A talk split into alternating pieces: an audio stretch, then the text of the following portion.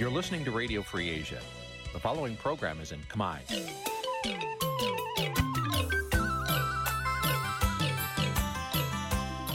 នេះជាកម្មវិធីផ្សាយ Vuthu Azizi Serai នេះជាកម្មវិធីផ្សាយរបស់ Vuthu Azizi Serai ជាភាសាខ្មែរ Vuthu Azizi Serai សូមស្វាគមន៍លោកអ្នកនាងទាំងអស់ពីរដ្ឋធានី Washington នៃសហរដ្ឋអាមេរិកចាប់ផ្សាយផ្ទាល់ពីរដ្ឋធានី Washington នាងខ្ញុំសុជីវីសូមជម្រាបសួរលោកអ្នកនាងអ្នកស្ដាប់វិទ្យុអាស៊ីសេរីទាំងអស់ជាទីមេត្រីយើងខ្ញុំសូមជូនការផ្សាយសម្រាប់យប់ថ្ងៃអាទិត្យ12រោចខែទុតិយាសាទឆ្នាំថោះបัญចស័កពុរសករាជ2567ដែលត្រូវនៅថ្ងៃទី13ខែសីហាគ្រិស្តសករាជ2023ចាជាដំបូងនេះសូមអញ្ជើញលោកអ្នកនាងស្ដាប់ព័ត៌មានប្រចាំថ្ងៃដែលមានមេត្តាដូចតទៅ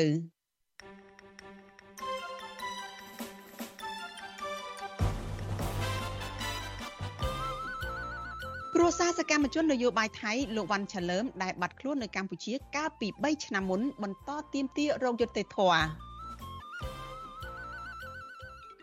កម្មករមួយចំនួនកាត់បន្ថយការហូបចុកអាហារក្រោយពេលទំនិញឡើងថ្លៃឥតឈប់ឈរពលរដ្ឋនិងសង្គមស៊ីវិលស្នើរដ្ឋាភិបាលឲ្យបញ្ឈប់ក្រុមហ៊ុនចិនបង្ហូរសារធាតុពុលចូលទឹកអូធម្មជាតិនៅមណ្ឌលគិរីនិងខេត្តកំពង់ធំ។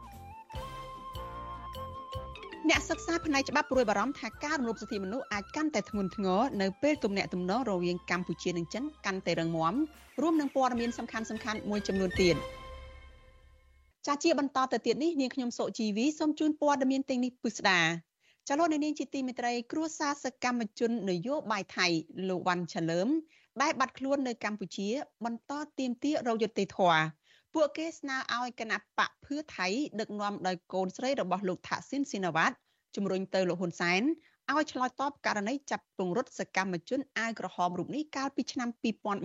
2020ចាការស្នើនេះធ្វើឡើងស្របពេលដែលលោកថាក់ស៊ីននិងប្អូនស្រីរបស់លោកគឺអ្នកស្រីយីងឡាក់ទើបតែបានជួបជាមួយនឹងលោកហ៊ុនសែនកាលពីថ្ងៃទី5ខែសីហាកន្លងទៅនៅកម្ពុជាចាចំណែកមន្ត្រីសិទ្ធិមនុស្សទទូចដល់អាជ្ញាធរពាក់ព័ន្ធ ឲ្យពន្លឿនការស៊ើបអង្កេតឲ្យបានត្រឹមត្រូវដើម្បីលើកកម្ពស់សិទ្ធិមនុស្សនិងផ្ដល់យុត្តិធម៌ទៅដល់គ្រួសារជនរងគ្រោះចាលោកនាងនឹងបានស្ដាប់សេចក្តីរាយការណ៍នេះនៅក្នុងការផ្សាយរបស់យើងនៅពេលបន្តិចទៀតនេះកម្មវិធី Vithu Azizi ស្រីសម្រាប់ទូរស័ព្ទដៃអាចឲ្យលោកអ្នកនាង អានអត្ថបទទស្សនាវីដេអូនិងស្ដាប់ការផ្សាយផ្ទាល់ដោយឥតគិតថ្លៃនិងដោយគ្មានការរំខាន ដើម្បីអាននិងទស្សនាមេតិការថ្មីៗពី Vithu Azizi សេរីលោកអ្នកនាងគ្រាន់តែចុចបាល់កម្មវិធីរបស់ Vithu Azizi សេរីដែលបានដំឡើងរួចរាល់លើទូរស័ព្ទដៃរបស់លោកអ្នកនាងប្រសិនបើលោកអ្នកនាងចង់ស្ដាប់ការផ្សាយផ្ទាល់ឬការផ្សាយចាស់ចាស់សូមចុចលើប៊ូតុងរូប Vithu ដែលស្ថិតនៅផ្នែកខាងក្រោមនៃកម្មវិធីជាការស្រេច។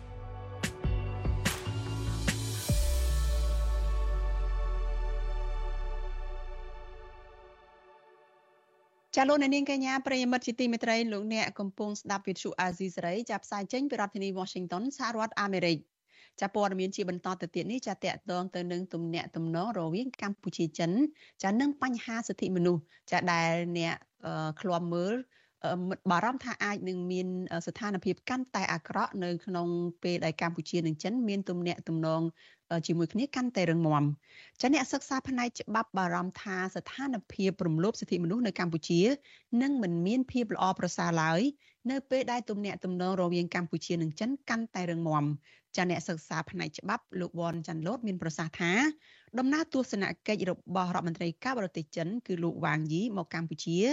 មិនត្រឹមតែមកបញ្ជាក់ពីគោលជំហរគ្រប់គ្រងរដ្ឋាភិបាលថ្មី ដែលដឹកនាំដោយលោកហ៊ុនម៉ាណែតតែប៉ុណ្ណោះទេ តែក៏ជាយុទ្ធសាស្ត្របង្កើនទំនាក់ទំនងនយោបាយការបរទេសជាមួយនឹងកម្ពុជា និងបណ្ដាប្រទេសនៅក្នុងតំបន់អាស៊ីអាគ្នេយ៍មុននឹងលោកប្រធានាធិបតីអាមេរិកចាគឺលោកโจ Biden ទៅធ្វើទស្សនកិច្ចនៅក្នុងប្រទេសវៀតណាមនៅពេលដ៏ខ្លីខាងមុខនេះ ចាប់បន្ថែមពីនេះលោកថាបើទោះបីជាប្រទេសចិនគឺជាប្រទេសដែលនាំមុខគេក្នុងការផ្ដល់ការគាំទ្រដល់រដ្ឋផ្ដល់ការគាំទ្រដល់រដ្ឋាភិបាលកម្ពុជាលើវិស័យសេដ្ឋកិច្ចនិងយោធាក្តីប៉ុន្តែជំនួយរបស់រដ្ឋាភិបាលចិនមិនបានភ្ជាប់ជាមួយនឹងកាតព្វកិច្ចរំលោភសិទ្ធិចកតបកិច្ចគោរពសិទ្ធិមនុស្សនោះឡើយទើបគម្រោងអភិវឌ្ឍជាច្រើនរួមទាំងការវិនិយោគរបស់ក្រុមហ៊ុនចិនភាគច្រើនចាតែងតែធ្វើឲ្យប៉ះពាល់ទៅដល់ប្រជាពលរដ្ឋនៅតាមសហគមន៍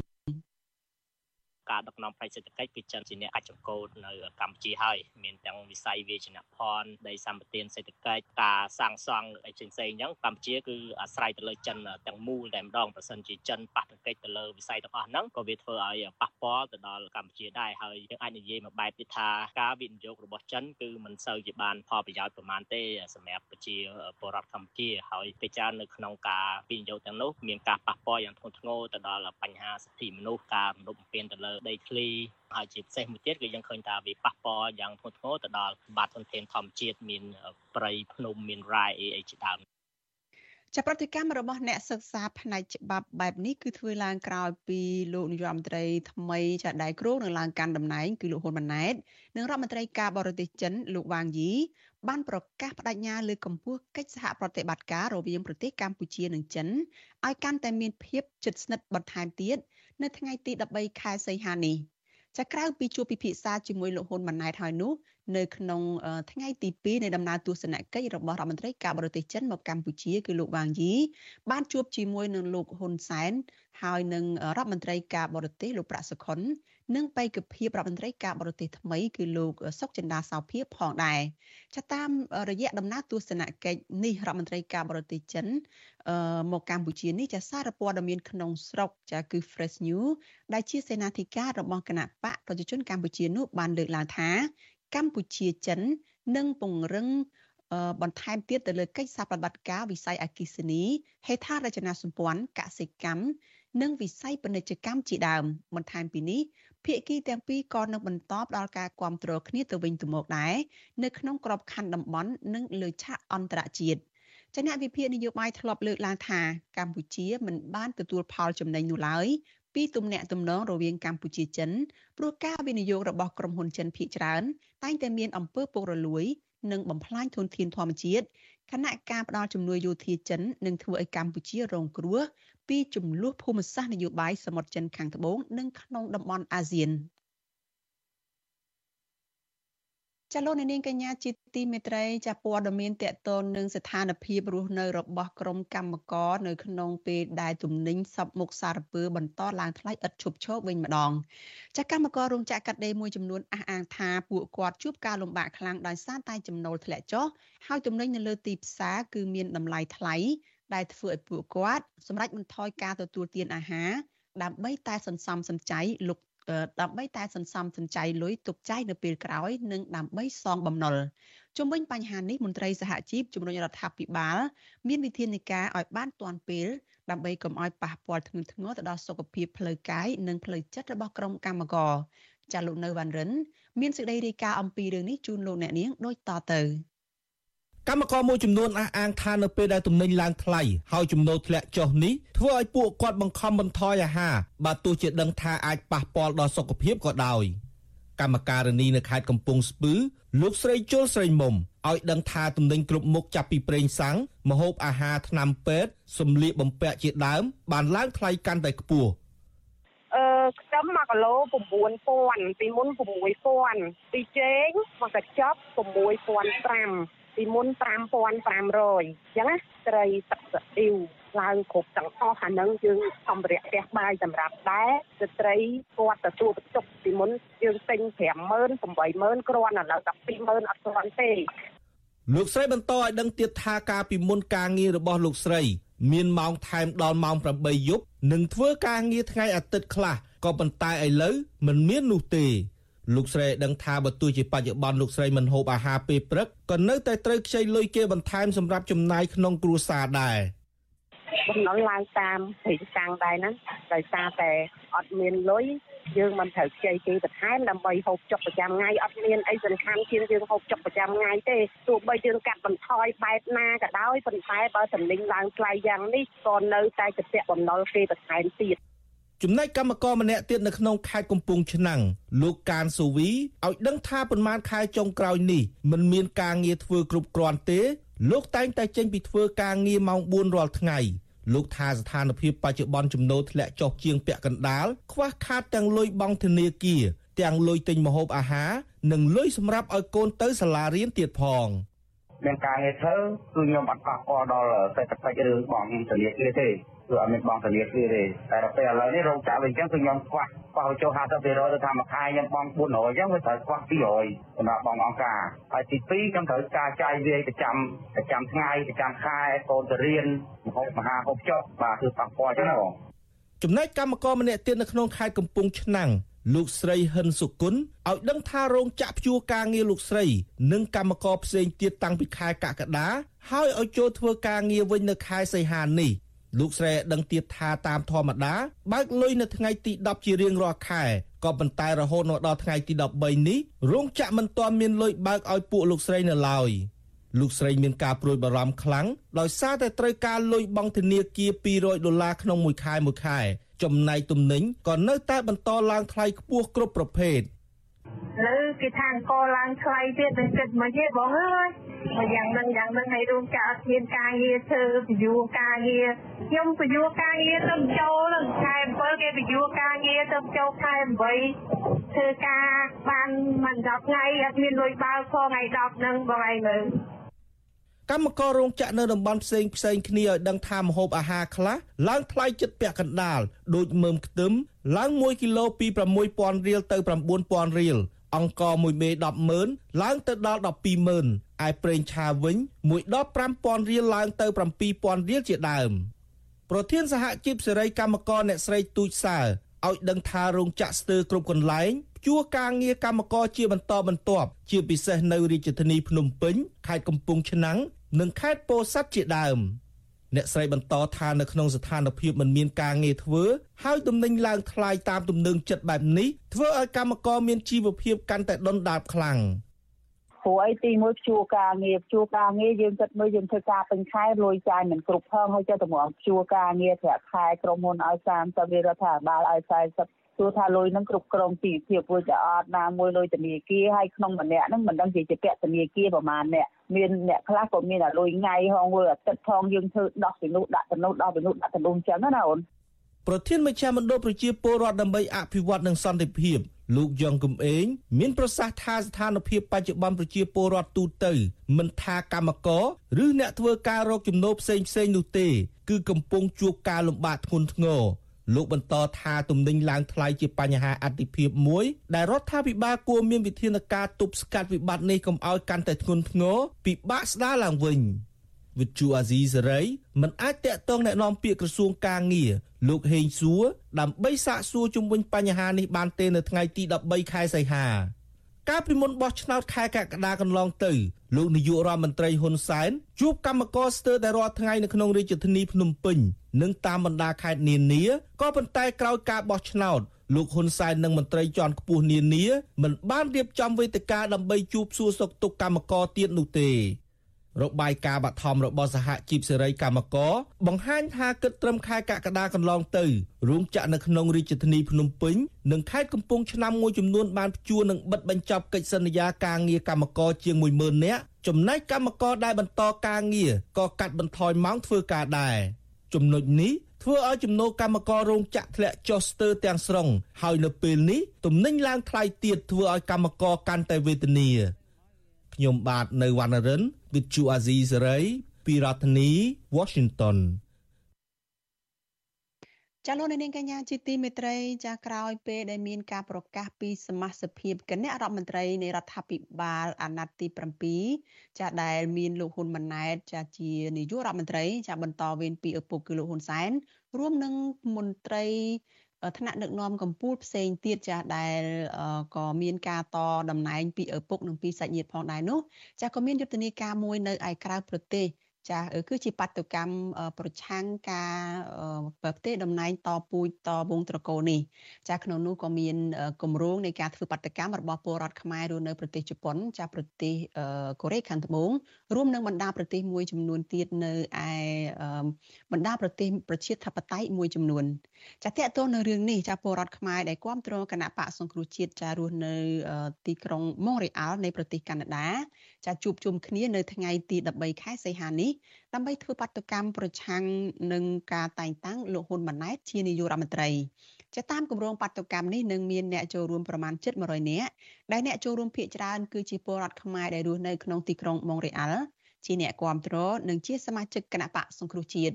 ចានេះខ្ញុំនឹងមានសម្ភារផ្ទាល់មួយជាមួយនឹងតំណាងបាតុករម្នាក់មកពីប្រទេសកាណាដាចាគឺលោកពុតវណ្ណរិន ដែលនេះខ្ញុំនឹងសាកសួរអំពីការធ្វើបាតុកម្មនេះនៅក្នុងការផ្សាយរបស់យើងនៅពេលបន្តិចទៀតនេះចាសូមអញ្ជើញលោកនាងរងចាំតាមដានកិច្ចសម្ភារនេះនៅក្នុងការផ្សាយរបស់យើងនៅពេលបន្តិចទៀតនេះកុំបីខាន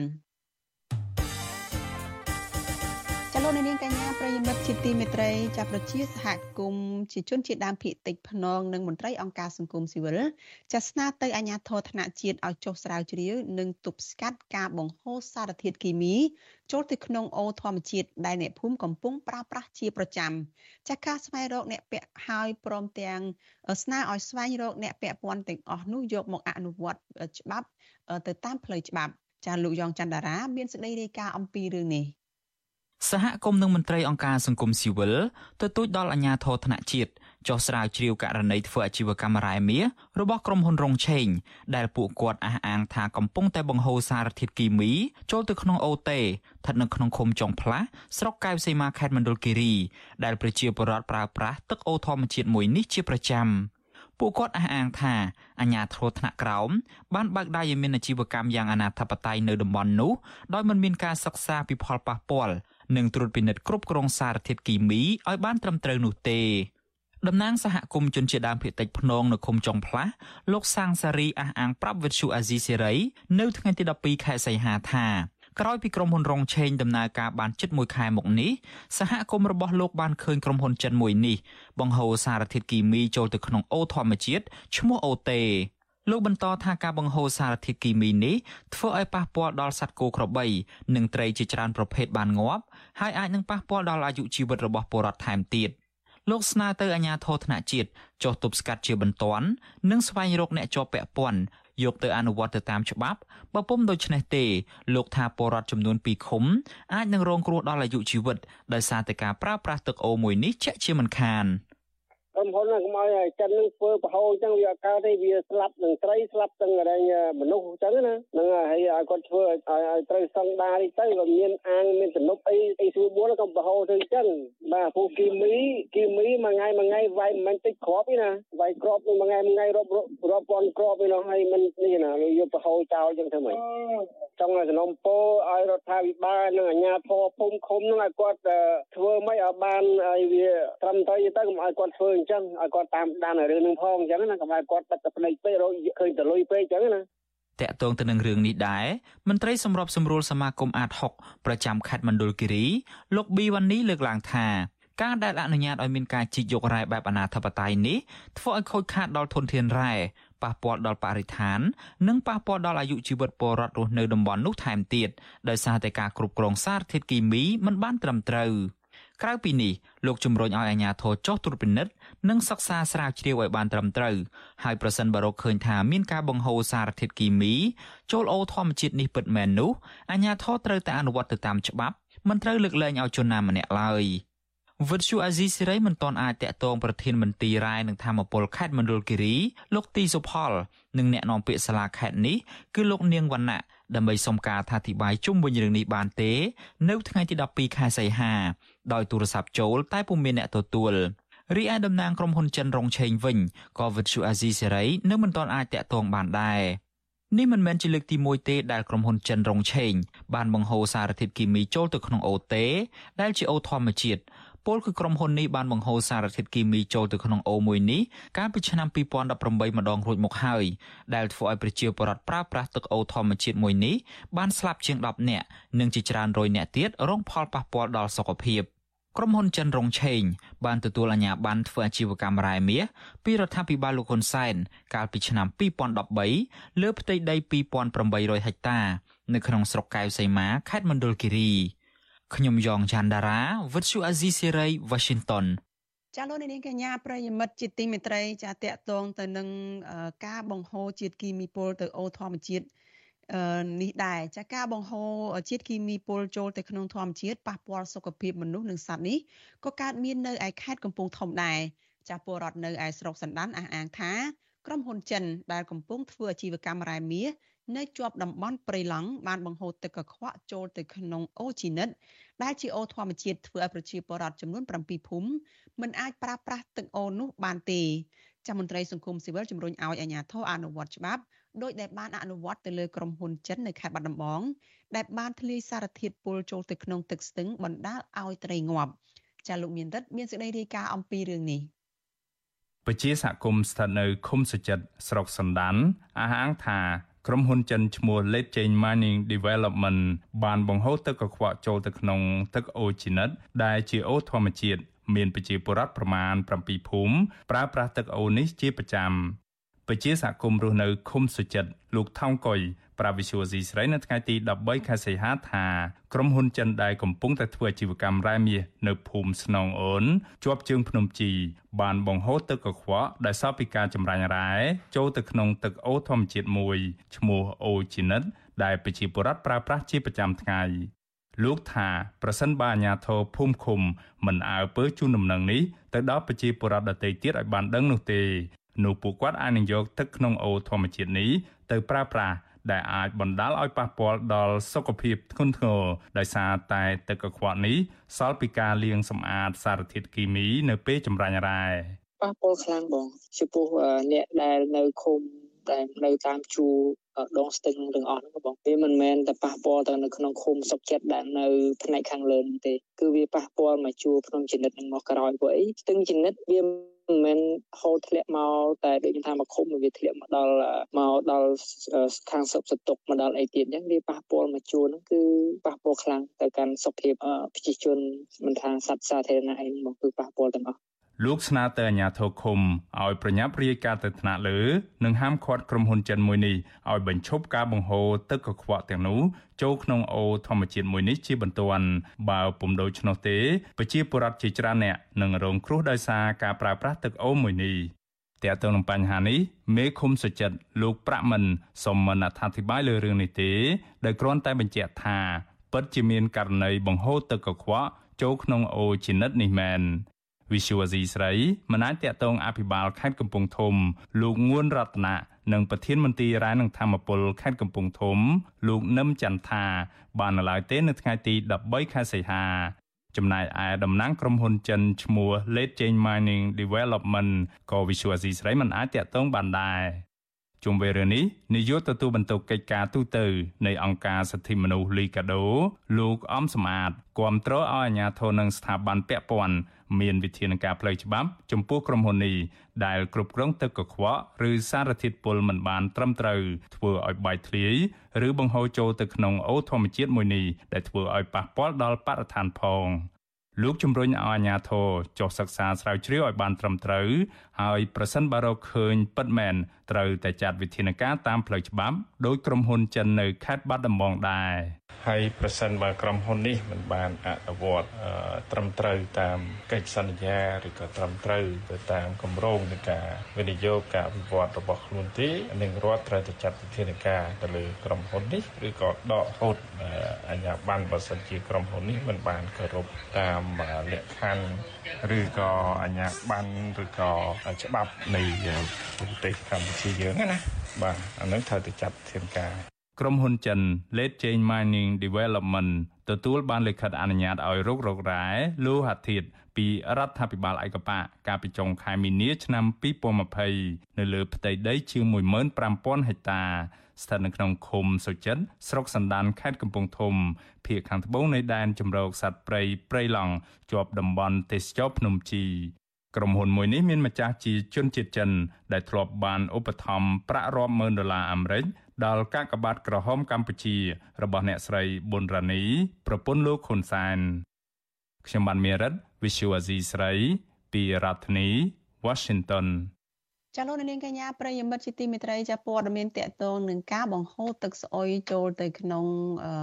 ស្ទឹងសង្កែឯណោះចាក្រសួងបរិស្ថានចាសម្រេចឲ្យរោងចក្រចិននៅឯខេត្តបាត់ដំបងដែលបង្ហូរសារធាតុគីមីពុលចូលទៅក្នុងស្ទឹងសង្កែចាត្រូវរើរោងចក្រទៅកាន់ទីតាំងផ្សេងនិងត្រូវផ្ដល់ប្រាក់សំណងចំពោះការធ្វើឲ្យប៉ះពាល់ទៅដល់ជីវៈចម្រុះនិងសុខភាពពលរដ្ឋនៅតាមដងស្ទឹងសង្គមស៊ីវិលស្នើឲ្យក្រសួងបរិស្ថានបន្តតាមដានដើម្បីឲ្យក្រុមហ៊ុនរបស់ចិនអនុវត្តតាមសេចក្តីសម្រេចនេះឲ្យមានប្រសិទ្ធភាពចាការសម្រេចនេះធ្វើឡើងតាមរយៈលិខិតមួយកាលពីថ្ងៃទី10ខែសីហាដែលរដ្ឋមន្ត្រីក្រសួងបរិស្ថានលោកសាយសំអល់ផ្ញើទៅម្ចាស់ក្រុមហ៊ុនចិន Phoenix Industrial ជាក្រុមហ៊ុនបង្កើតរោងចក្រផលិតថ្នាំមេវិជ្ជសាស្ត្រស្ថិតនៅក្នុងឃុំត្រែងស្រុករតនមណ្ឌលស្រុកខេត្តបាត់ដំបង ដែលបានលេចធ្លាយសារធាតុគីមីពុលទៅដល់ស្ទឹងសង្កែចាលិខិតនោះបញ្ជាក់ថាក្រសួងបរិស្ថាន បញ្ជាឲ្យក្រុមហ៊ុនបដូរទីតាំងរោងចក្រទៅកន្លែងផ្សេងដែលស្ថិតនៅចម្ងាយពីប្រភពទឹកស្ទឹងសង្កែនោះយ៉ាងតិច10គីឡូម៉ែត្រនិងត្រូវផ្ដល់សំណងផលប៉ះពាល់ទិន្នផលនេសាទការនេសាទការផ្គត់ផ្គង់ទឹកស្អាត និងសុខភាពសាធារណៈដែលសរុបជាទឹកប្រាក់ជាង40ម៉ឺនដុល្លារ ទៅឲ្យគណៈកម្មាធិការមូលនិធិបរិស្ថាននិងសង្គមឲ្យបានមុនថ្ងៃទី20ខែតុលាជាកំហិតក្រសួងបរិស្ថានក៏នឹងពិន័យក្រុមហ៊ុននេះឲ្យបង់ទឹកប្រាក់អន្តរកាលចំនួន150លានរៀលទៅក្រសួងឲ្យបានមុនថ្ងៃទី20ខែកញ្ញាពាក់ព័ន្ធនឹងក្រុមហ៊ុនមិនបានរៀងចាល់ដោយសារតែបន្តធ្វើឲ្យលេចធ្លាយសារធាតុពុលចូលទៅក្នុងទឹកស្ទឹងសង្កែនិងដំណើរការអាជីវកម្មដោយពុំមានការឯកភាពនៅលើរបាយការណ៍វាតម្លៃហេតុផលប៉ះពាល់បរិស្ថាននិងសង្គម លើសពីនេះក្រុមហ៊ុនត្រូវស្ដារបរិស្ថាននៅខាងក្នុងនិងជុំវិញរោងចក្រនោះឲ្យរួចរាល់នៅមុនថ្ងៃទី20ខែវិច្ឆិកាហើយក្នុងករណីក្រុមហ៊ុនប្រព្រឹត្តល្មើសចំណុចណាមួយនឹងត្រូវប្រឈមនឹងផ្លូវច្បាប់មន្ត្រីសម្របសម្រួលអង្គការសិទ្ធិមនុស្សលីកាដូប្រចាំនៅក្នុងខេត្តបាត់ដំបងលោកអិនគង្ជិតគាំទ្រការចេញចំណាត់ការរបស់ក្រសួងបរិស្ថាននេះពីព្រោះជាចំណាត់ការស្របទៅតាមសំណុំពររបស់ប្រជាពលរដ្ឋដែលមិនចង់ឲ្យរោងចក្រនេះបន្តមានវត្តមានស្ថិតនៅក្បែរស្ទឹងសង្កែ ទោះជាយ៉ាងណា លោកស្នើឲ្យក្រសួងបរិស្ថានត្រូវបន្តតាមដានរោងចក្រចិនមួយនេះឲ្យបានដិតដល់បំផុតប្រសិនបើសង្កេតឃើញថាក្រុមហ៊ុននេះនៅតែមិនព្រមអនុវត្តតាមសេចក្តីសម្រេចរបស់ក្រសួងហើយក្រសួងគួរតែបិទរោងចក្រនេះចោលតែម្ដង។ ចាស់ក្រមប្រជាពលរដ្ឋបាននាំគ្នាផ្អាកប្រើប្រាស់ទឹកស្ទឹងសង្កែបន្ទាប់ពីប្រទះឃើញសារធាតុរាវពណ៌ខ្មៅហូរចូលទៅក្នុងស្ទឹងសង្កែចេញពីរោងចក្រផលិតថ្នាំមេឱសថរបស់ក្រុមហ៊ុនចិនតាំងពីថ្ងៃទី2ខែសីហាដែលជាសារធាតុគីមីពុលអាចបង្កឲ្យមានផលប៉ះពាល់ទៅជាបញ្ហារលាកក្រពះពោះវៀនក្អួតចង្អោររាគឈឺពោះនិងខ្សោះជាតិទឹកជាពិសេសប៉ះពាល់ខ្លាំងទៅលើអ្នកមានជំងឺខ្សោយតម្រងនោម។ ចាលោកនាងកញ្ញាជាទីមេត្រីចាជាបន្តទៅទៀតនេះចានេះខ្ញុំមានសម្ភារផ្ទាល់មួយជាមួយនឹងតំណាងអ្នកធ្វើបាតុកម្មនៅឯប្រទេសកាណាដាចាពលរដ្ឋខ្មែរអ្នកគ្រប់គ្រងគណៈបកសង្គ្រោះជាតិនៅទីក្រុងម៉ុងរ៉េអាល់នៃប្រទេសកាណាដាចាជួបជុំគ្នានៅថ្ងៃទី13ខែសីហានេះធ្វើបាតុកម្មប្រឆាំងនឹងការតែងតាំងលោកហ៊ុនម៉ាណែតជានាយករដ្ឋមន្ត្រី ចាការធ្វើបាតកម្មនេះគឺជាសកម្មភាពមួយនៅក្នុងចំណោមយុទ្ធនាការរបស់ក្រមប្រជាពលរដ្ឋដែលរស់នៅក្រៅប្រទេសចាដែលគ្រោងនាំគ្នាធ្វើបាតកម្មប្រឆាំងនឹងការផ្ទេរអំណាចតពូជតវងត្រកូល នៅ ក្នុងទឹកដីកម្ពុជា ចាពួកគេគ្រោងនឹងធ្វើបាតកម្មនេះរៀងរៀងខ្លួនចាមានដូចជានៅក្នុងប្រទេសកូរ៉េខាងត្បូងចាប្រទេសជប៉ុនហើយនិងបណ្ដាប្រទេសមួយចំនួនទៀត ចាជាបន្តទៅទៀតនេះចានេះខ្ញុំមានសម្ភារផ្ទាល់មួយជាមួយនឹងលោកពុតវណ្ណរិនចាលោកគឺជាតំណាងបាតកោដែលធ្វើបាតកម្មនៅក្នុងប្រទេសកាណាដាចាហើយនេះខ្ញុំនឹងសាកសួរលោកបន្ថែមទៀតពីការធ្វើបាតកម្មរបស់ក្រមពលរដ្ឋនេះចាជម្រាបសួរលោកពុតវណ្ណរិនពីចម្ងាយចាបាទជម្រាបសួរអ្នកស្រីសុជីវីបាទចាលោកពុតវណ្ណរិនអឺតកតងទៅនឹងបាតុកម្មនេះចាអឺ មែនតើទៅបដកម្មនេះមិនទាន់ចាប់ផ្ដើមទេគឺនឹងចាប់ផ្ដើមនៅម៉ោង2រសៀលនៅល្ងាចថ្ងៃទី13ខែសីហានេះចាគឺប្រហែលជាម៉ោង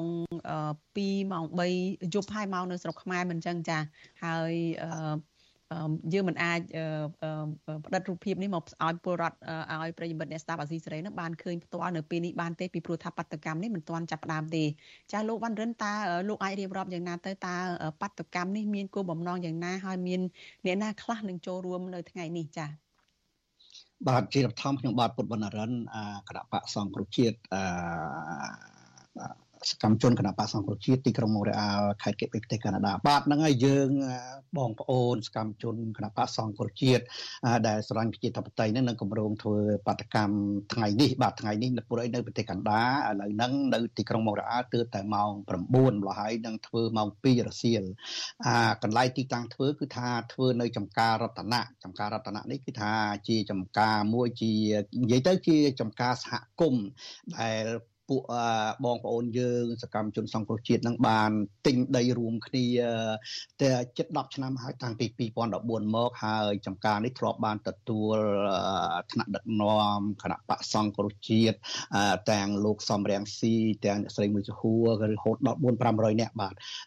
ហើយក៏ប៉ុន្តែយើងសម្រាប់ចាប់ធ្វើនៅចំការនេះដោយសារតែយើងមានគ្រោងការធ្វើចុះញត្តិផ្ញើញត្តិទៅការិយាល័យអង្គស្កាសហជីវជាតិជាច្រើនកន្លែងម្ល៉េះម្នាក់ម្នាក់ហ្នឹងដោយសារកន្លែងនោះជាជាជាចំការហើយមាន warehouse ធំមួយ មានអ៊ីនធឺណិតមានអីម្ល៉េះហើយយើងជួយបងប្អូនយើងជួយផ្ញើអ៊ីមែលរៀងៗខ្លួនទៅអង្គទីស្នាក់ការអង្គការសហជីវជាតិ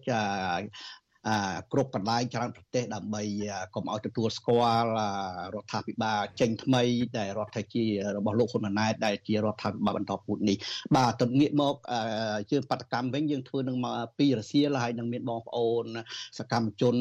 សង្គ្រោះជាតិឬមួយអ្នកស្រឡាញ់ប្រជាធិបតេយ្យផ្សេងៗហ្នឹងមកចូលរួមបាទ មួយផ្លែកទៀតគឺថាមួយផ្លែកទៀតថាហេតុអ្វីបានជាយើងមិនធ្វើធំមួយទ្រង់ទ្រាយធំនៅតាមដងផ្លូវដូចសពសពដងពីព្រោះយើងយល់ថាយើងទី1យើងយើងយើងទុ កកម្លាំងដើម្បីទៅការទៅធ្វើបដកម្មទ្រង់ទ្រាយធំនៅនៅនៅនៅក្រុងទីក្រុងញូវយ៉កនៅខែក្រោយនេះនៅខែ9នេះនៅពេលដែល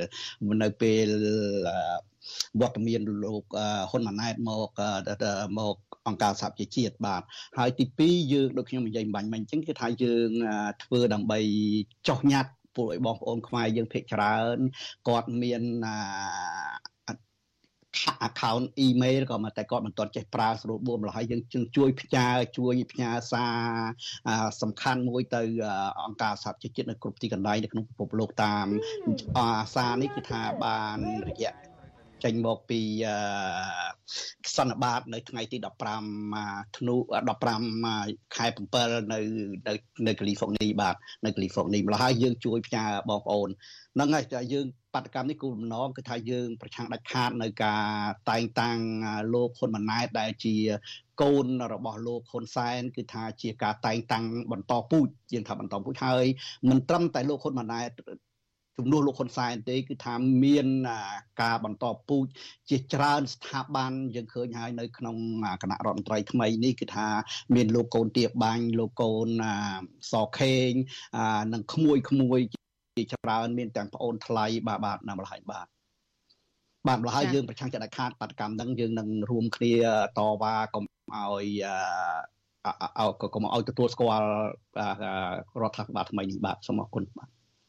ចាដូច្នេះគោលបំណងនៃការធ្វើបដកម្មរបស់ពលរដ្ឋខ្មែរអ្នកគ្រប់គ្រងគណៈបកសង្គ្រោះជាតិនៅឯទីក្រុងម៉ុងរ៉េអាល់នៅថ្ងៃនេះចានៅរសៀលនេះគឺប្រហែលជា ម៉ោង2ម៉ោងអីហ្នឹងគឺគោលបំណងសំខាន់ហ្នឹងគឺប្រឆាំងនឹងការផ្ទេរតំណែងតពូជតត្រកូលហើយមួយទៀតហ្នឹងក៏ដើម្បីរៀបចំជាញត្តិផ្សេងផ្សេងនឹងផ្ញើទៅអង្គការសហប្រជាជាតិមិនឲ្យទទួលស្គាល់រដ្ឋាភិបាលថ្មីនេះចាតើមានមូលហេតុអ្វីលើសពីនឹងទៅទៀតចំពោះការដែលមិនចង់ឲ្យមានការទទួលស្គាល់ពីអង្គការសហប្រជាជាតិចាំមិនទទួលស្គាល់រដ្ឋាភិបាលដែលកើតនៅក្រៅការបោះឆ្នោតអាណត្តិទី7នេះនឹងចាលោកពុតបានរិន បាទគឺថានៅពីក្រោយនេះគឺថាយើងបងប្អូនយើងបានជួបជុំគ្នាពីព្រោះអីចំការនេះជាទីធ្លាធំលហើយយើងអាចបានជួបគ្នាស្រួលយើងមិនបាច់សុំច្បាប់ខាងទីក្រុងម៉ុងរ៉េអាល់តែចំការហ្នឹងនៅនៅនៅគេហៅទីក្រុងមួយនៅទីក្រុងឡាវ៉ាល់ទីក្រុងឡាវ៉ាល់ហ្នឹងនៅនៅនៅជាប់នឹងទីក្រុងម៉ុងរ៉េអាល់នៅជាក្រុងម៉ុងរ៉េអាល់ហ្នឹងហើយមានកន្លែងធំហើយយើង បន្ថែមទៅនឹងគឺថាយើងជំរុញឲ្យឲ្យឲ្យបងប្អូនយើងហ្នឹងកុំខ្លាចកុំកុំកុំឲ្យថាគឺយើងមិនទទួលស្គាល់ទាំងអ្នកអានៅក្រៅប្រទេសទាំងនៅក្នុងប្រទេសព្រោះអីយើងឃើញថារដ្ឋាភិបាលនេះគឺខុសច្បាប់ទាំងអស់ហើយសូម្បីតែតាមទៅសំបីតែតែតែលើច្បាប់រដ្ឋធម្មនុញ្ញមាត្រា119ចំពោះ2ថ្មីដែលលោកហ៊ុនសែនបង្ខំកែឆ្នាំ2022នេះគឺថា ការតែងតាំងនេះគឺថាខុសទាំងស្រុងដែរគឺថាមិនទៅគោរពច្បាប់ថ្មីដែលលោកហ៊ុនសែននិង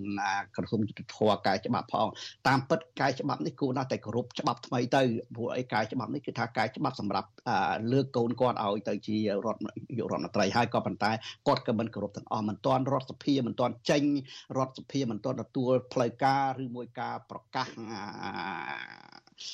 អ្នកជាប់ឆ្នោតតំណាងរាស្ត្រមិនទាន់ចូលរដ្ឋសភាបងបានតែងតាំងគ្រប់សពតាំងពីប្រធានរដ្ឋសភាអនុប្រធានរដ្ឋសភាឬមួយបាទអនុប្រងប្រធានទី1ទី2អីគឺថាតែងតាំងស្រែកតែខ្លួនគាត់គឺថាគ្មានចេញពី រដ្ឋសភាតំណាងរាស្ត្រឡើងគឺថាអ្វីៗតែងតាំងដោយសារលោកហ៊ុនសែនទាំងអស់ហើយតាមពិតលោកហ៊ុនសែនហ្នឹងគឺជាជាជាជា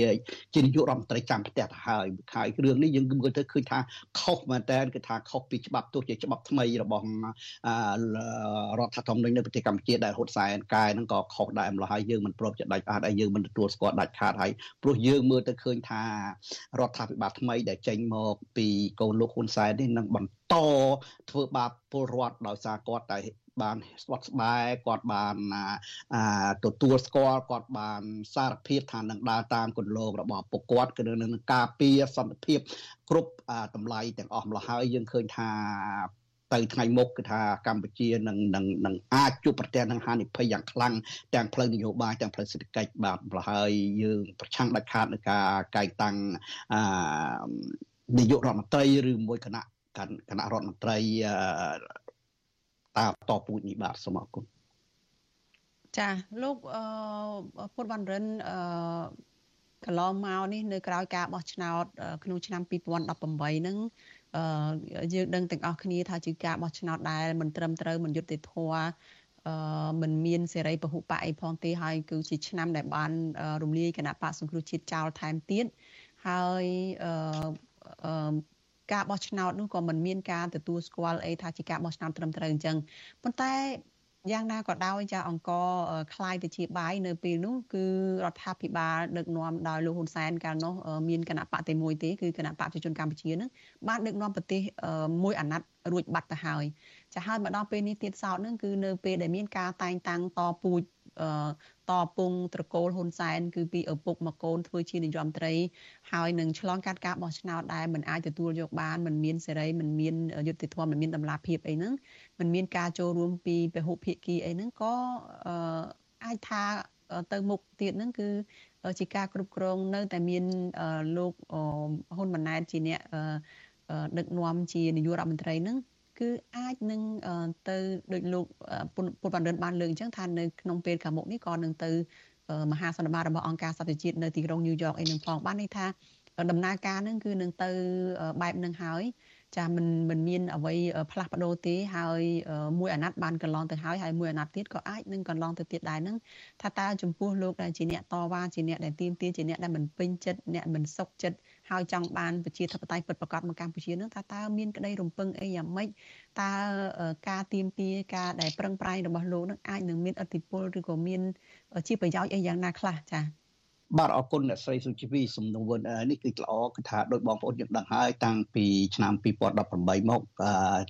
មិនមែនត្រឹមតែ2018នៅមុនឆ្នាំ2018តាំងពីបោះឆ្នោតឃុំសង្កាត់ឆ្នាំ2017ហើយនឹងការរំលាយគណៈបកសង្គ្រោះជាតិ2018មកគឺថាកម្ពុជាធ្លាក់ទៅ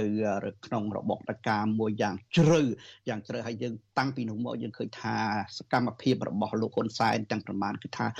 ធ្វើបាបប្រជាពលរដ្ឋហើយមិនគ្រប់គ្រងប្រជាពលរដ្ឋតំណាងរាស្ត្ររបស់ឯកបៈនេះអត់ដែលបានចេញទៅជួយដោះស្រាយពលរដ្ឋទេមានតែធ្វើបាបពលរដ្ឋបន្ថែមម្ល៉េះហើយយើងនៅតែបន្តការតស៊ូយើងដូចអ្នកស្រីសុជីវីនិយាយត្រូវហើយគឺថាបានមួយអាណត្តិឥឡូវថែមមួយអាណត្តិទៀតក៏ប៉ុន្តែ យើងសង្ឃឹមថាកម្ពុជា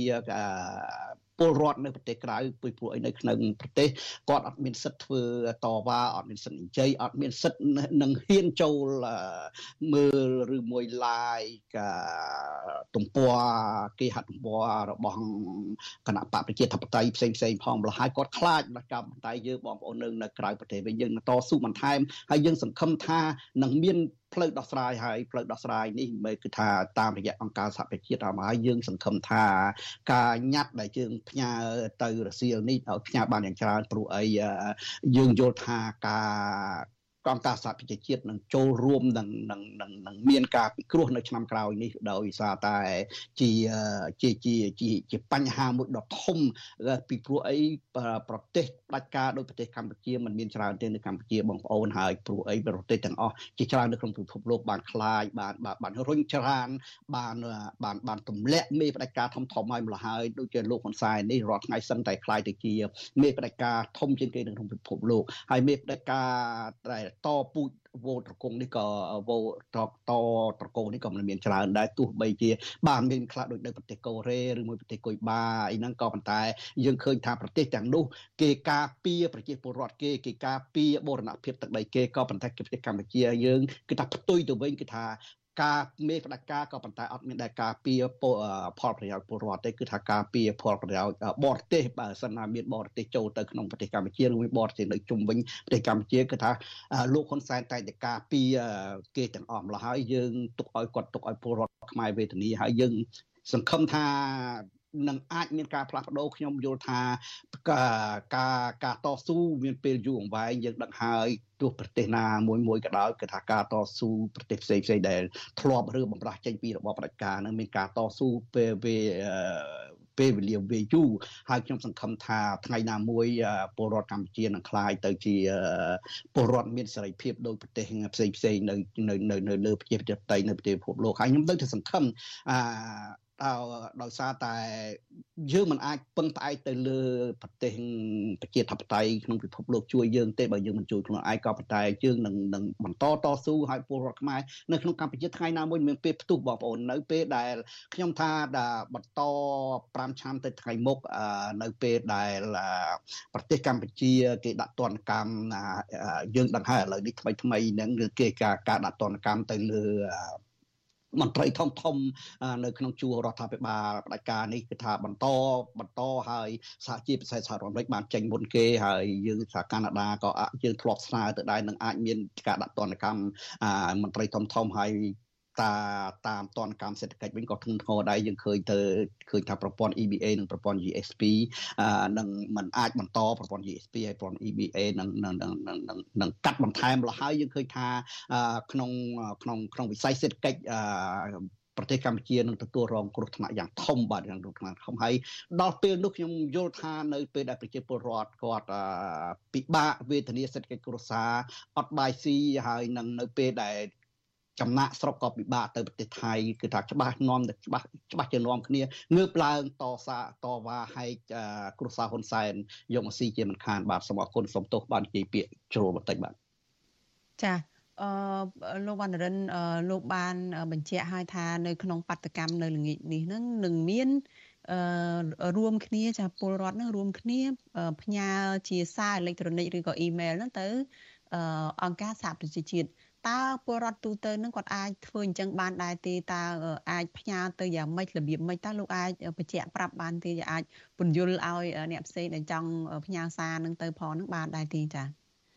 បាទដោយសារការផ្ញើនេះវាយើងពិបាកបន្តិចព្រោះអីយើងផ្ញើទៅ9កន្លែងព្រោះអីយើងនៅកាណាដាយើងដាក់បន្ថែមទីស្នាក់ការអង្គការសហប្រជាជាតិនៅហ្សឺណែវប្រចាំប្រទេសកាណាដាហ្នឹងគឺថាយើងបន្ថែមឡើយមាន9កន្លែងហើយពេលផ្ញើហ្នឹងយើងត្រូវដូរអត្ថន័យ cover letter នឹងខ្លះហើយភ្ជាប់ទៅនឹងសម្បត្តិដែលបានធ្វើឡើងពីសន្និបាតថ្ងៃទី15ខែកក្កដា មិនមែនខែកក្កដាខែ7បាទខែ7ខែមុនហ្នឹងបាទខែ7ហ្នឹងនៅនៅនៅនៅកាលីហ្វ័រញ៉ីហ្នឹងអាសារហ្នឹងជាសារដែល គឺយើងគឺជាក្នុងនាមជាពលរដ្ឋក្នុងនាមជាសង្គមស៊ីវិលសូមឲ្យប្រទេសនីមួយៗដែលជាមានដែលអ្នកមានមានមានសក្តានុពលនៅនៅនៅក្នុងអង្គការសហជីវជាតិនឹងឲ្យជួយឲ្យមិនទទួលស្គាល់រដ្ឋាភិបាលថ្មីគឺថានឹងអាចមានប្រសិទ្ធភាពពីព្រោះអីយើងផ្ញើឲ្យបានច្រើនគឺថាបើបងបើបងប្អូនអ្នកដែលចេះអេឡិចត្រូនិកចេះការផ្ញើយើងបងប្អូនអាចផ្ញើខ្លួនឯងបានមកអញ្ជើញតាក់ទងមកខ្ញុំមកក្នុងទំព័រ Facebook របស់ខ្ញុំពុទ្ធវណ្ណរិនហ្នឹងបងប្អូនអាចផ្ញើបានហើយនឹងយើងផ្ញើនឹងគំរូហើយនឹងហើយនឹងអ៊ីមែល8 9កន្លែងនោះគឺនឹងយើងយើងហើយនឹងហើយនឹងសម្បត្តិលិខិតសារដែលដែលដែលអង្គការសង្គមស៊ីវិលធ្វើនៅកាលីហ្វ័រញ៉ានោះយើងជួយបញ្យល់ផ្ញើក៏ប៉ុន្តែដោយសារយើងផ្ញើនៅជាមួយគ្នាដូចខ្ញុំនិយាយបាញ់មិញអញ្ចឹងគឺថាមានបងប្អូនខ្លះមិនចេះប្រើហ្នឹងយើងនឹងជួយគាត់ផ្ញើទៅហើយយើងសង្ឃឹមថាអង្គការសហជាតិនៅគ្រប់ការិយាល័យទាំងនេះបានទទួលរាប់រយរាប់ពាន់នៅពេលនោះគឺថានៅពេលដែលសមាជឆ្នាំក្រោយនៅអង្គការសហជាតិគេនឹងលើករឿងប្រទេសកម្ពុជាយកមកយកយកមកពិភាក្សានឹងអាចផ្ដន់ទោសរបបរបបប្រការមួយនេះបន្ថែមថែមហើយខ្ញុំយល់ថាបើប្រទេសកម្ពុជាធ្លាក់ដល់សេដ្ឋកិច្ចធ្លាក់ដល់0ធ្លាក់ដល់ក្រោម0ទៀតប្រជាជននឹងមាន ការពិបាកនៅពេលនោះប្រជាជននិងពលរដ្ឋនឹងងើបឡើងក៏ប៉ុន្តែមកទល់រាល់ថ្ងៃនេះពលរដ្ឋដោយសារគាត់មានផ្លូវមួយគឺថានៅពេលដែលគាត់រកលុយមិនបានឬមួយដោយសារគាត់អត់មានការធ្វើអត់មានចម្ពាក់លុយធនាគារគាត់បានរត់ទៅប្រទេសថៃស្របច្បាប់មិនស្របច្បាប់នឹងធ្វើឲ្យគាត់វេទនាយ៉ាងខ្លាំងដើម្បីរកលុយយកមកសងធនាគារនិងចិញ្ចឹមគ្រួសារគាត់ម្ល៉េះហើយបើសិនណានៅពេលថាប្រទេសថៃมันអាចយកពលករខ្មែរបានឬមួយប្រទេសកម្ពុជាសេដ្ឋកិច្ចធ្លាក់ដុនដាបខ្លាំងនឹងពលរដ្ឋនឹងងើបឡើងជាស្វ័យប្រវត្តិហើយខ្ញុំយល់ថាអឺនឹងអាចដល់ពេលនោះនៅពេលឆ្នាំក្រោយនេះមិនបានមិនយូរទេបងប្អូនក្នុងរយៈពេលប្រហែលខែក្រោយពីអឺក្រោយពីការបោះឆ្នោតនេះនឹងមានបញ្ហាជានិច្ចពីព្រោះអីយើងឃើញថាអឺសេដ្ឋកិច្ចប្រទេសកម្ពុជាធ្លាក់ដុនដាបខ្លាំងហើយ ពឹងផ្អែកខ្លាំងទៅលើការនាំចេញហើយបើសិនណាការនាំចេញនេះការនាំផលិតផលនាំចេញនេះធ្លាក់ចុះប្រជាពលរដ្ឋនឹងអត់ការធ្វើហើយការដែលពលរដ្ឋអត់ការធ្វើហើយនឹងមានការពិបាកសេដ្ឋកិច្ចគ្រួសាររបស់គាត់បាទហ្នឹងហើយសូមអរគុណចា៎ អរគុណច្រើនលោកពុទ្ធវណ្ណរិនចាដែលបានផ្ដល់សម្ភារពីការធ្វើបាតកម្មរបស់ពលរដ្ឋអ្នកគ្រប់គ្រងគណៈបកសង្គ្រោះជាតិនៅឯទីក្រុងម៉ុងរ៉េអាល់ប្រទេសកាណាដានេះចាយើងនឹងតាមដានបាតកម្មរបស់ពលរដ្ឋខ្មែរនេះបន្តទៅទៀតហើយសូមអរគុណលោកហើយជម្រាបលាលោកត្រឹមប៉ុណ្ណេះចាចាលោកនាងកញ្ញាប្រិមិត្តជាទីមេត្រី ចាតកតងទៅនឹងសកម្មជននយោបាយថៃនយោបាយថៃចាលោកវ៉ាន់ចាលើមដែលបានបាត់ខ្លួននៅកម្ពុជាអស់រយៈពេល3ឆ្នាំមកហើយវិញម្ដងចាគ្រួសារសកម្មជននយោបាយថៃលោកវ៉ាន់ចាលើមដែលបាត់ខ្លួននៅកម្ពុជាចាបន្តទាមទាររកយុត្តិធម៌ពួកគេស្នើឲ្យគណៈបកភឿថៃដែលដឹកនាំដោយកូនស្រីរបស់លោកថាក់ស៊ីនស៊ីណាវ៉ាត់ចាជំរុញទៅលោកហ៊ុនសែនឲ្យឆ្លើយតបករណីចាប់ពង្រត់សកម្មជនអាវក្រហមរូបនេះកាលពីឆ្នាំ2020 ការស្នើនេះធ្វើឡើងស្របពេលដែលលោកថាស៊ីននិងប្អូនស្រីរបស់លោកចាគឺលោកយីងចាគឺលោកស្រីយីងឡាក់ទើបតែបានជួបជាមួយលោកហ៊ុនសែនកាលពីថ្ងៃទី5ខែសីហាចានៅកម្ពុជាចាចំណែកមន្ត្រីសិទ្ធិមនុស្សទទូចដល់អាជ្ញាធរពាក់ព័ន្ធពន្លឿនការស៊ើបអង្កេតដោយត្រឹមត្រូវដើម្បីលើកកម្ពស់សិទ្ធិមនុស្សនិងផ្ដល់យុត្តិធម៌ទៅដល់គ្រួសារជនរងគ្រោះចាលោកជីវិតាមានសេចក្តីរាយការណ៍អំពីរឿងនេះគ្រួសារនិងអង្គការសិទ្ធិមនុស្សបានរៀបចំសិក្ខាសាលាអំពីការស្វែងរកយុត្តិធម៌ នឹងការវិវត្តតាក់ទងនឹងការបាត់សកម្មជននយោបាយថៃម្នាក់គឺលោកវ៉ាន់ឆាលើមខណៈលោកកំពុងស្វែងរកសិទ្ធិជ្រកកោននយោបាយនៅទីក្រុងភ្នំពេញកាលពីប្រមាណ3ឆ្នាំមុនកម្មវិធីនេះរៀបចំនៅមជ្ឈមណ្ឌលសិល្បៈនិងវប្បធម៌នៅទីក្រុងបាងកកកាលពីថ្ងៃទី11ខែសីហាគឺចំថ្ងៃខួបកំណើត41ឆ្នាំរបស់សកម្មជនរូបនោះវាគ្មិនចូលរួមក្នុងកម្មវិធីនោះរួមមានអភិបាលក្រុងបាងកក អ្នកនាំពាក្យគណៈបកកៅក្លៃឬគណៈបកចលនាឆ្ពោះទៅមុខអ្នករីកាពិសេសរបស់អង្គការសហប្រជាជាតិទទួលបន្ទុកសិទ្ធិមនុស្សប្រចាំកម្ពុជា លោកវិទិតមុនតាបូននិងតំណាងឧត្តមស្នងការអង្គការសហប្រជាជាតិទទួលបន្ទុកសិទ្ធិមនុស្សប្រចាំតំបន់អាស៊ីជាដើមបងស្រីរបស់លោកវ៉ាន់ឆាលើមគឺលោកស្រីស៊ីតាណាន់សាទស័ក្តិសិទ្ធបានរំលឹកពីប្រវត្តិតស៊ូនិងបានបង្ហាញរូបថតដែលប្អូនប្រុសលោកស្រី បានជួបជាមួយលោកនាយករដ្ឋមន្ត្រីហ៊ុនសែននិងមន្ត្រីរដ្ឋាភិបាលផ្សេងទៀតនៅមុនពេលត្រូវបានចាប់ពង្រត់នៅកម្ពុជាលោកស្រីបន្តថារយៈពេល3ឆ្នាំមកនេះក្រុមគ្រួសារលោកស្រីបានលះបង់គ្រប់បែបយ៉ាងដើរស្វែងរកដំណឹងរបស់លោកវ៉ាន់ឆាលើមទោះបីលោកស្រីបានដាក់ផុសតាងជាសារទំនាក់ទំនងស្លាកលេខឡានពីកាមេរ៉ាសវត្ថិភាពទៅឲ្យអាជ្ញាធរកម្ពុជានិងថៃជាបន្តបន្ទាប់ក៏ដោយ ក៏មកដល់ពេលនេះលោកស្រីពុំទាន់ទទួលបានចម្លើយអំពីយុត្តិធម៌និងជោគវាសនាប្អូនប្រុសឡើយលោកស្រីនៅតែបដិញ្ញាបន្តទៀមទារោគយុត្តិធម៌ជូនប្អូនប្រុសទន្ទឹមនឹងនេះលោកស្រីស៊ីតាណាន់ក៏បានបង្ហាញរូបថតរបស់អតីតនាយករដ្ឋមន្ត្រីថៃលោកថាក់ស៊ីនឈិនវ៉ាត់និងអ្នកស្រីយីងឡាក់ឈិនវ៉ាត់ពីភាពស្និទ្ធស្នាលជាមួយលោកនាយករដ្ឋមន្ត្រីហ៊ុនសែននៅលើទឹកដីនៃប្រទេសកម្ពុជា កាលពីពេលថ្មីៗនេះដែរ លោកស្រីឆ្ងល់ថាតើលោកថាក់ស៊ីនឬគណៈបកភឿថៃ ដែលជាបករបស់ប្អូនប្រុសលោកស្រីធ្លាប់ជួយធ្វើការងារនោះ មានបានសួរលោកហ៊ុនសែនរឿងបាត់ខ្លួនប្អូនប្រុសលោកស្រីដែរឬទេ មកដល់ពេលនេះលោកវ៉ាន់ឆលើមសាទស័ក្តិសិទ្ធិមានវ័យ41ឆ្នាំ ជាសកម្មជនគណៈបកភឿថៃត្រូវបានជន់ប្រដាប់អាវុធមួយក្រុមចាប់ពង្រត់ កាលពីថ្ងៃទី4មិថុនាឆ្នាំ2020ក្នុងពេលដែលលោកកំពុងដើរតាមផ្លូវទៅទិញម្ហូបអាហារនៅមុខកន្លែងស្នាក់នៅរបស់លោកក្នុងទីក្រុងភ្នំពេញអ្នករិះគន់រដ្ឋាភិបាលថៃរូបនេះបានរត់គេចចេញពីប្រទេសកំណើតរបស់ខ្លួន បន្ទាប់ពីរដ្ឋប្រហារយោធាឆ្នាំ2014និងបានមករស់និរទេសខ្លួនក្នុងប្រទេសកម្ពុជា ហើយពេលនោះលោកនៅតែបន្តរិះគន់រដ្ឋាភិបាលថៃនៅលើទំព័រ Facebook របស់លោកកន្លងទៅ អាញាធរកម្ពុជានិងថៃមិនបានផ្ដល់ការពន្យល់ណាមួយ អំពីករណីបាត់ខ្លួននេះដែលអាចធ្វើឲ្យសហគមន៍ជាតិនិងអន្តរជាតិជឿជាក់បានឡើយវិទ្យុអាស៊ីសេរីមិនអាចតាក់ទងแนะនាំពាក្យសាលាដំបងរាជធានីភ្នំពេញលោកអ៊ីរិននិងแนะនាំពាក្យក្រសួងមហាផ្ទៃលោកខៀវសុភ័ក្រដើម្បីសាកសួរអំពីរឿងនេះបានទេនៅថ្ងៃទី13សីហាលោកស្រីស៊ីតាណាន់សាទសាក់សិតធ្លាប់បានដាក់ពាក្យបណ្ដឹងទៅសាលាដំបងរាជធានីភ្នំពេញ ដើម្បីស្វែងរកយុត្តិធម៌ជូនប្អូនប្រុសផងដែរលោកស្រីបានដាក់ឯកសារចំនួនជិត200ទំព័រអមដោយផុសតាងព្រមទាំងបានផ្ដល់សក្ខីកម្មដល់ចៅក្រមស៊ើបសួរសាលាដំបងរាជធានីភ្នំពេញកាលពីខែធ្នូឆ្នាំ2020ប៉ុន្តែរហូតមកដល់ពេលនេះតុលាការមិនទាន់មានវិធានការអ្វីនៅឡើយទេជុំវិញរឿងនេះប្រធានសមាគមនិស្សិតបញ្ញវន្តខ្មែរលោកកើតសារាយថ្លែងថាក្រមយុវជនតែងតែនាំគ្នាចេញទៀមទា ឲ្យអាជ្ញាធរស៊ើបអង្កេតករណីបាត់ខ្លួនលោកវ៉ាន់ឆាលើមដោយយុត្តិធម៌ដើម្បីបញ្ឈប់ការធ្វើទុកបុកម្នេញលើសកម្មជន ដែលមាននានាការមិនស្របនឹងរដ្ឋអំណាចលោកថារឿងនេះជាការទទួលខុសត្រូវរបស់រដ្ឋាភិបាលកម្ពុជា លោកបញ្ជាក់ថា ការបាត់ខ្លួនសកម្មជនដោយបង្ខំបែបនេះគឺជាការគំរាមកំហែងដល់សកម្មជនសិទ្ធិមនុស្សនៅក្នុងស្រុក និងនៅក្នុងតំបន់គួរឲ្យព្រួយបារម្ភ ស្ថិរភាពយោដៃក្នុងតំបន់នឹងហើយវាជាចំណែកមួយដែលដែលយើងមើលឃើញថាมันមានសញ្ញាណអីមួយដែលនឹងទាញកម្ពុជាឲ្យឈានទៅរកការស្រាវជ្រាវឬក៏បង្ហាញពីដំណាភាពឡើងវិញអំពីបញ្ហាលោកវ៉ាន់ឈឺតែទោះយ៉ាងណាយើងឃើញយុវជនដែលជាសកម្មជនសិទ្ធិមនុស្សនៅកម្ពុជានឹងគាត់បានចូលរួមនៅក្នុងការសម្ដែងការសោកស្ដាយតាមរយៈចូលរួម ធ្វើយុទ្ធនាការសម្ដែងមតិពីការបាត់ខ្លួនរបស់លោកវ៉ាន់ឆលើមមកដល់ពេលនេះវាមិនមានអីដែលប្រែប្រួលឬក៏ធ្វើឲ្យភាគីភាគព័ន្ធមានការបើកការស៊ើបសួរឬក៏ស្វែងរកអីអំពីដំណឹងនៃការបាត់ខ្លួនអីនោះទេ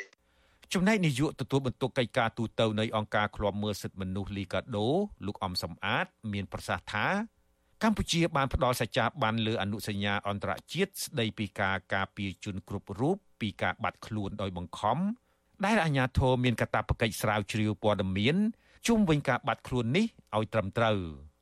លោកជំរុញដល់អាជ្ញាធរនិងតុលាការកម្ពុជា ថាគួរតែពន្យានីតិវិធីស៊ើបអង្កេតករណីបាត់ខ្លួនសកម្មជននយោបាយរូបនេះឲ្យបានឆាប់ដើម្បីផ្ដល់យុត្តិធម៌ដល់គ្រួសារជនរងគ្រោះនិងចូលរួមលើកកម្ពស់បញ្ហាសិទ្ធិមនុស្សជាដើមបីជា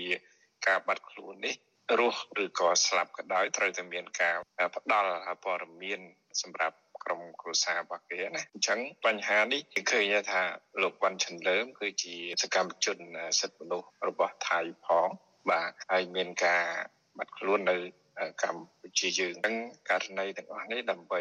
ជៀសវាងនៅការរិះគន់ផ្សេងផ្សេងសម្រាប់ភាគីកម្ពុជានិងកម្ពុជាត្រូវតែស្វាស្វែងដើម្បីស្រាវជ្រាវនិងរកព័ត៌មានអង្គការសង្គមស៊ីវិលជាតិនិងអន្តរជាតិ ព្រមទាំងអង្គការសហប្រជាជាតិទទួលបន្ទុកផ្នែកសិទ្ធិមនុស្សកាលពីពេលកន្លងទៅ បានទទូចឲ្យរដ្ឋាភិបាលកម្ពុជាស៊ើបអង្កេតដោយម៉ត់ចត់និងឥតលំអៀងពីការបាត់ខ្លួនដោយបង្ខំរបស់លោកវ៉ាន់ឆាលើមស្ថាប័នទាំងនោះលើកឡើងថារដ្ឋាភិបាលត្រូវផ្ដល់ព័ត៌មាននិងការវិវត្តនៃការស៊ើបអង្កេតដោយលំអិតដើម្បីធានាថាលោកវ៉ាន់ឆាលើមសាទស័ក្តិសិទ្ធិស្លាប់ឬរស់ហើយបើនៅរស់លោកនៅកន្លែងណា ពីព្រោះបុគ្គលរូបនេះ បានបាត់ខ្លួននៅលើទឹកដីកម្ពុជា។ខ្ញុំជីវិតាអាស៊ីសេរី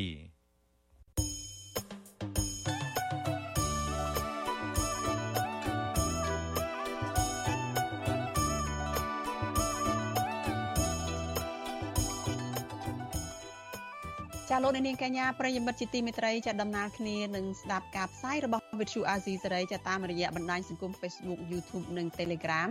ចាលោកនាងក៏អាចស្ដាប់ការផ្សាយរបស់យើងចាតាមរយៈ Vithu រលកធាតុអាកាសខ្លីចា Post SW តាមកម្រិតនិងកម្ពស់ដូចតទៅនេះចាពេលព្រឹកចាប់ពីម៉ោង5កន្លះដល់ម៉ោង6កន្លះតាមរយៈ Post SW 12.14 MHz ស្មើនឹងកម្ពស់ 25m និង Post SW 13.71 MHz ស្មើនឹងកម្ពស់ 22m ចាប់ពេលយប់ចាប់ពីម៉ោង7កន្លះដល់ម៉ោង8កន្លះតាមរយៈ Post SW 9.33 MHz ស្មើនឹងកម្ពស់ 32m Post SW 11.88 MHz ស្មើនឹងកម្ពស់ 25m និង Post SW 12.15 MHz ស្មើនឹងកម្ពស់ 25m ចាលោកនាងកញ្ញាជាទីមេត្រីចាព័ត៌មានតកតងទៅនឹងការនាំចូលត្រីកាចសាហាវមកកម្ពុជាវិញម្ដង ចាក្រសួងកសិកម្មរុក្ខាប្រមាញ់និងនេសាទចាអំពាវនាវដល់ពលរដ្ឋឲ្យរាយការណ៍ពីករណីនាំចូលប្រភេទត្រីកាចសាហាវចូលកម្ពុជា បើទោះបីជានៅក្នុងមូលហេតុអ្វីក៏ដោយរួមទាំងការចិញ្ចឹមឬចិញ្ចឹមលម្អដើម្បីឲ្យសមត្ថកិច្ចជំនាញបានដឹងនិងចាត់វិធានការចាក្រសួងកសិកម្មរុក្ខាប្រមាញ់និងនេសាទនៅល្ងាចថ្ងៃទី13ខែសីហាបញ្ជាក់ថាថ្មីថ្មីនេះមានការផ្សព្វផ្សាយនៅលើបណ្ដាញសង្គមពីការនាំចូលនិងចែកចាយប្រភេទត្រីពីរញ្ញាដែលជាប្រភេទត្រីកាចសាហាវនិងស៊ីសាច់ជាអាហារចាសសេចក្តីប្រកាសព័ត៌មាននេះឲ្យដឹងថា ពិតជាមានករណីនាំចូលត្រីប្រភេទនេះដោយម្ចាស់អាជីវកម្មមួយកន្លែងហើយករណីនេះរដ្ឋបាលជលផលបានចុះទៅត្រួតពិនិត្យនិងអនុវត្តច្បាប់ដល់កន្លែងលក់នោះតាំងពីថ្ងៃទី6ខែសីហាមកជាមួយគ្នានេះម្ចាស់អាជីវកម្មក៏បានធ្វើកិច្ចសន្យាចាឈប់នាំចូល និងបានបំផ្លាញចោលត្រីពីរញ្ញាដែលនាំចូលនោះរួចរាល់ហើយដែរចាក្រសួងអំពាវនាវដល់សាធារណជនព្រមទាំងអាជីវករ មិនត្រូវនាំចូលត្រីប្រភេទត្រីពីរញ្ញានេះឬក៏ប្រភេទត្រីផ្សេងទៀតដែលនាំឲ្យប៉ះពាល់ទៅដល់ប្រភេទត្រីធម្មជាតិមនុស្សសត្វនិងបរិស្ថានប្រសិនបើមានអ្នកដែលកំពុងតែចិញ្ចឹមប្រភេទត្រីទាំងនេះចាសសូមគុំលែងចូលទៅក្នុងធម្មជាតិតែត្រូវប្រគល់ទៅឲ្យសមត្ថកិច្ចជំនាញចាត់វិធានការឲ្យបានសមស្របចាសចំណាយពលរដ្ឋដែលបានដឹងរឿងនេះត្រូវរាយការណ៍ទៅសមត្ថកិច្ចដើម្បីចាត់វិធានការ ចាពីរញ្ញាគឺជាប្រភេទត្រីទឹកសាបដែលស៊ីសាច់ជាអាហារចាត្រីប្រភេទនេះមានប្រភពនៅអាមេរិកខាងត្បូងចាប្រសិនបើត្រីប្រភេទនេះកើនចំនួនច្រើនវាអាចធ្វើឲ្យប៉ះពាល់ទៅដល់ជីវៈចម្រុះផ្សេងទៀតឬធ្វើឲ្យបាត់បង់ពូជសត្វឬក៏មច្ឆជាតិផ្សេងទៀតចាមនុស្សក៏អាចរងគ្រោះដោយសារតែត្រីប្រភេទនេះដែរប៉ុន្តែមិនធ្វើឲ្យប៉ះពាល់ទៅដល់អាយុជីវិតឡើយចាត្រីនេះអាចខំដាច់ម្រាមដៃឬរៀបឬម្រាមជើងមនុស្ស ករណីមានប៉ះករណីមានការប៉ះទង្គិចគ្នានៅរដូវដែលត្រីនេះខ្វះចំណីអាហារ យល់ថាកិច្ចការរបស់អ្នកដែលគេធ្វើគេនៅតែធ្វើចឹងឯងក្នុងការបំភាន់ប្រជាមតិរបស់ប្រជាជនក៏ប៉ុន្តែខ្ញុំមើលឃើញថាប្រជាជនខ្មែរយើងគឺមានភាព resilient ណាមានភាពការតស៊ូណាទោះបីជាពេលខ្លះគាត់ត្រូវកុហកគេឲ្យសរំយកសរំឲ្យវិជ័យយកវិជ័យប៉ុន្តែបើសិនថ្ងៃបោះឆ្នោតគាត់បោះឲ្យអ្នកដែលគាត់ចូលចិត្តខ្ញុំយល់ថា ភាពឆ្លៀសវៃរបស់សហគមន៍ខ្មែរយើងគឺកាន់តែមានភាពច្បាស់លាស់ទៅច្បាស់លាស់ទៅ ទីបំផុតភាពដប់ពលសន្តិភាពហើយនឹងដំបូលប្រជាធិបតេយ្យហ្នឹងខ្ញុំយល់ថាទីបំផុតគឺដំបូលប្រជាធិបតេយ្យនឹងមានអ្នកជ្រោកច្រើនកាន់តែច្រើនឡើងគឺគ្រាន់តែពេលវេលានោះទេបាទដូចអាហ្នឹងខ្ញុំនឹកឃើញអ្វីដែលបងជុនច័ន្ទបតធ្លាប់និយាយកាលពីភាគ5ភាគ6ហ្នឹងគឺថា ខ្មែរយើងក្រៀមកពិតមែនប៉ុន្តែមានភ្លៀងមួយមេមករីកស្រស់បំប្រងហ្នឹងអញ្ចឹងអញ្ចឹងសេចក្តីសង្ឃឹមគឺថាយើងត្រូវតែសង្ឃឹមហើយការសង្ឃឹមរបស់យើងនឹងគឺថាយើងសង្ឃឹមថាប្រជាពលរដ្ឋខ្មែរយើងទូទាំងពិភពលោកគ្រប់លំដាប់ថ្នាក់ទាំងអស់ដូរចិត្តដូរគំនិតកុំបន្ទោសឈប់បន្ទោសជនរងគ្រោះតទៅទៀតហើយគួរតែរមូលហេតុសមរម្យត្រឹមត្រូវដែលអាចទទួលយកបាន ការពារជនរងគ្រោះ លើកទឹកចិត្តរងគ្រោះជនរងគ្រោះដើម្បីបន្តធ្វើអ្វីដែលល្អសម្រាប់គាត់បាទអការពិតទាំងពូលីនិយាយទាំងមេហៀងលើកឡើងនឹងផ្ដល់ការសង្ឃឹមច្រើនណាការពិតអ្វីត្បិតតែខ្ញុំធ្វើកសែតរាល់ថ្ងៃនេះគឺថា មិនចោះញោមទេ ក្រោមការគៀបសង្កត់ក្រោមការគំរាមកំហែងការជេរប្រមាថមាក់ងាយអីយ៉ាងណាក៏ដោយចុះក៏នៅតែមានចំហទៅមុខដែរក៏ប៉ុន្តែអ្វីត្បិតតែមានចំហអីយ៉ាងណាក៏ដោយចុះថ្ងៃខ្លះម្ដងម្កាលនឹងរៀងអាប់សេតដែរ រៀងអន់ចិត្តអន់ថ្លើមអន់ចិត្តអន់ថ្លើមខ្លះដែរប៉ុន្តែដូចករណីមិញអញ្ចឹងដូចករណីដូចករណីមិញមិញហៀងហៅខ្ញុំបងហៅយូពូអញ្ចឹងអន់ចិត្តអន់ថ្លើមអានឹងអានឹងអានឹងមិនអន់ចិត្តទេពីព្រោះយើងដឹងថាពូលីខ្លួនឯងទេអ្នកបខំ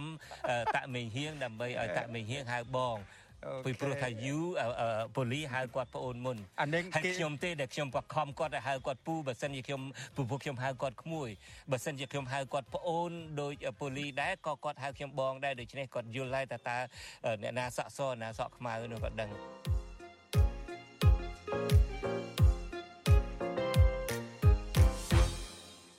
ចាលោកនាងកញ្ញាប្រិមិត្តជាទីមេត្រីចាកាផ្សាយរបស់វិទ្យុអាស៊ីសេរីនៅយប់នេះចាចប់ត្រឹមតែប៉ុណ្ណេះចានាងខ្ញុំសុជីវីព្រមទាំងក្រុមការងារទាំងអស់នៃវិទ្យុអាស៊ីសេរីចាសូមជូនពរដល់លោកនាងកញ្ញានិងក្រុមគ្រួសារទាំងអស់ចាសូមប្រកបតែនឹងសេចក្តីសុខសុភមង្គលនិងសុខភាពល្អកុំបីឃ្លៀងឃ្លាតឡើយចានាងខ្ញុំសូមអរគុណនិងសូមជម្រាបលា